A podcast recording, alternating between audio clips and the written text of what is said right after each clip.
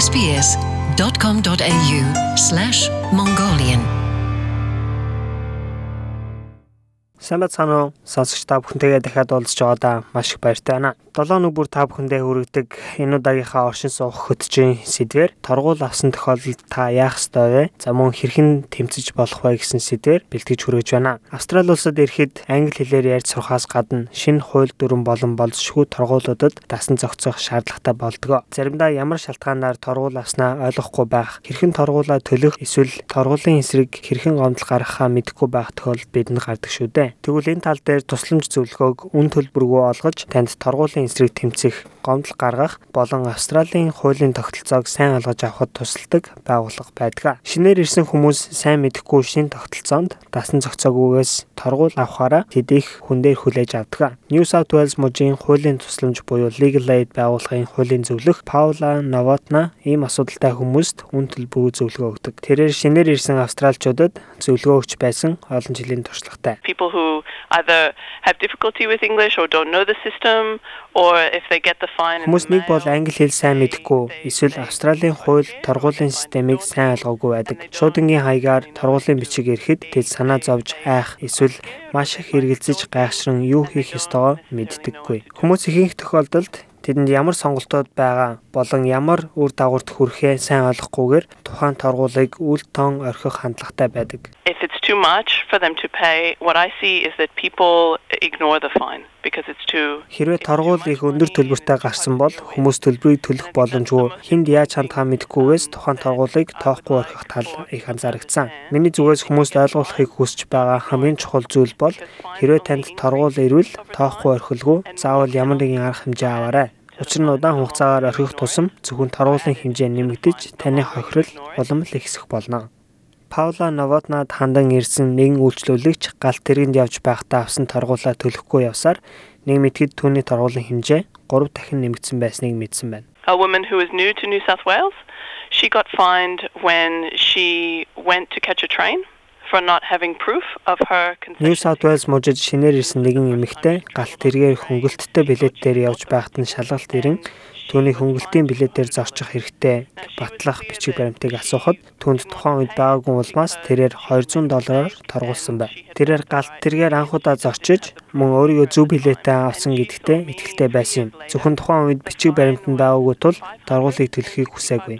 3 жилийн дараа тэр хуулийн зөвлөгөө авахаар над дээр ирэхэд нөгөө торгуул нь 555 доллар болж нэмэгдсэн байсан ба зөвхөн торгуул төлөөгүй улмаас 3 өмч битүүмжлэн хураах тушаал 2 өр барагдуулах шүүхийн тушаал түүнд шуудангаар ирсэн байв. Хэрвээ танд торгуул ирээд та юу хийхээ мэдэхгүй торгуулийн эсрэг гомдол гаргах хүсэлтэй эсвэл мэрэгжлийн зөвлөгөө авахыг хүсвэл Legal Aid буюу хуулийн тусламжийн байгууллагатай холбогдоорой муж бүс нутаг болгонд хуулийн тусламжийн байгууллага байдаг ба мэрэгжлийн хуулийн зөвлөхүүд таны асуултанд хариулахад үргэлж бэлэн байдаг. Legal Aid үнгүү орчуулгын үйлчлэгээгч санал болгодог тул та өөрийнхөө хэл дээр тэдэнтэй харилцах бүрэн боломжтой. Пауло Новаднагийн үйлчлүүлэгчдийн нэг Магед 25 жилийн өмнө Палестины бүс нутаг Газийн зурсаас ирсэн ба тэрээр анх өөрт нь ирсэн бүх торгуулиудыг асууж тодруулахгүйгээр заримдаа буруу зүйл хийгээгүй байсан ч бүгдийг төлдөг байжээ. The first 10 years I was here in Australia, I had few traffic offences and I never ever thought of going to anybody for help. Never ever. Австралид ирснээс хойш эхний 10 жилд бид хэд хэдэн замын хөдөлгөөний торгуулаач байсан. Хинээс ч тусламж хүсэлгүйгээр бүх торгуулийг яг цагт нь шуудан дээр очин хурдхан төлдөг байсан. Учир нь би цагдаа нартай холбогдсон ямар нэгэн асуудалд орохоос маш их болгоомжилж айдаг байлаа. Харин түүний найз хуулийн тусламжийн талаар хэлж өгснөөс хойш бүх юм өөрчлөгдсөн байна. Тэр зарим торгуулиудын эсрэг гомдол гаргахад зөвлөгөө тусламж авдаг болсон ба хууль дүрмийн тогтолцоог илүү сайн ойлгох болсон байна my advice to all the people who come to this country, the newcomers, the new migrants, especially from uh, our area in the Arab land, they shouldn't be scared from the police. Бусад хүмүүст мөн шинээр ирсэн иргэдэд миний хувьд өгөх зөвлөгөө гэвэл цагдаагийн байгууллагаас айх зүйл Австрали улсад байхгүй гэж хэлмээр байна. Ялангуяа арабын орнуудаас ирж байгаа хүмүүс Цагдаа нар торгуул тавилаа гэж бодоход өөрсдийнхөө талаас юу хийсэн гэдгээ тайлбарлаж хэлээрэй. Мөн legal aid тусламж авах хэрэгтэй.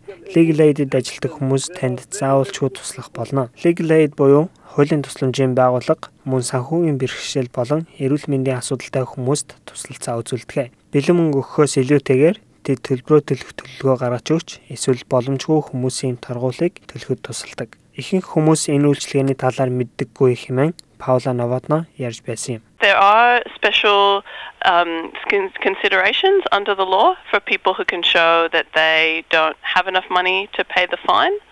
and that's where it's best for them to get advice. So it is possible. Зарим тохиолдолд хэрвээ хүмүүс торгуулаа төлөх боломжгүй бол special consideration буюу тусгай халамж үзүүлэх хуулийн зохицуулалт байдаг. Яг ийм асуудал тулгарч байгаа бол зөвлөгөө авах хэрэгтэй. Payment plan буюу буцаан төлөх төлөвлөгөө торгуулийг буцаах хүсэлт гаргах мөн бусад боломжууд хүмүүст байгаа. Хэрвээ хүмүүс амьдралдаа бага зэрэг бэрхшээлүүдтэй тулгарч байгаа бол тусламж хүсэх хэрэгтэй. Хэрвээ танд ямар нэгэн торгуулийн талаар асуух зүйл байвал legal aid хуулийн зөвлөгөө аваарай. Австрали улсын муж бүрт тусдаа legal aid байгууллага үнгүй зөвлөгөө өгдөг шүү. Манай SBS Монгол хэл дээр гаргасан подкастуудын нэг нь legal aid-ийн талаар тайлбарлсан байна. Та зочлоод илүү дэлгэрэнгүй мэдээллийг хүлээн аваарай.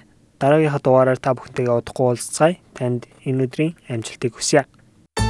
SBS Mongolian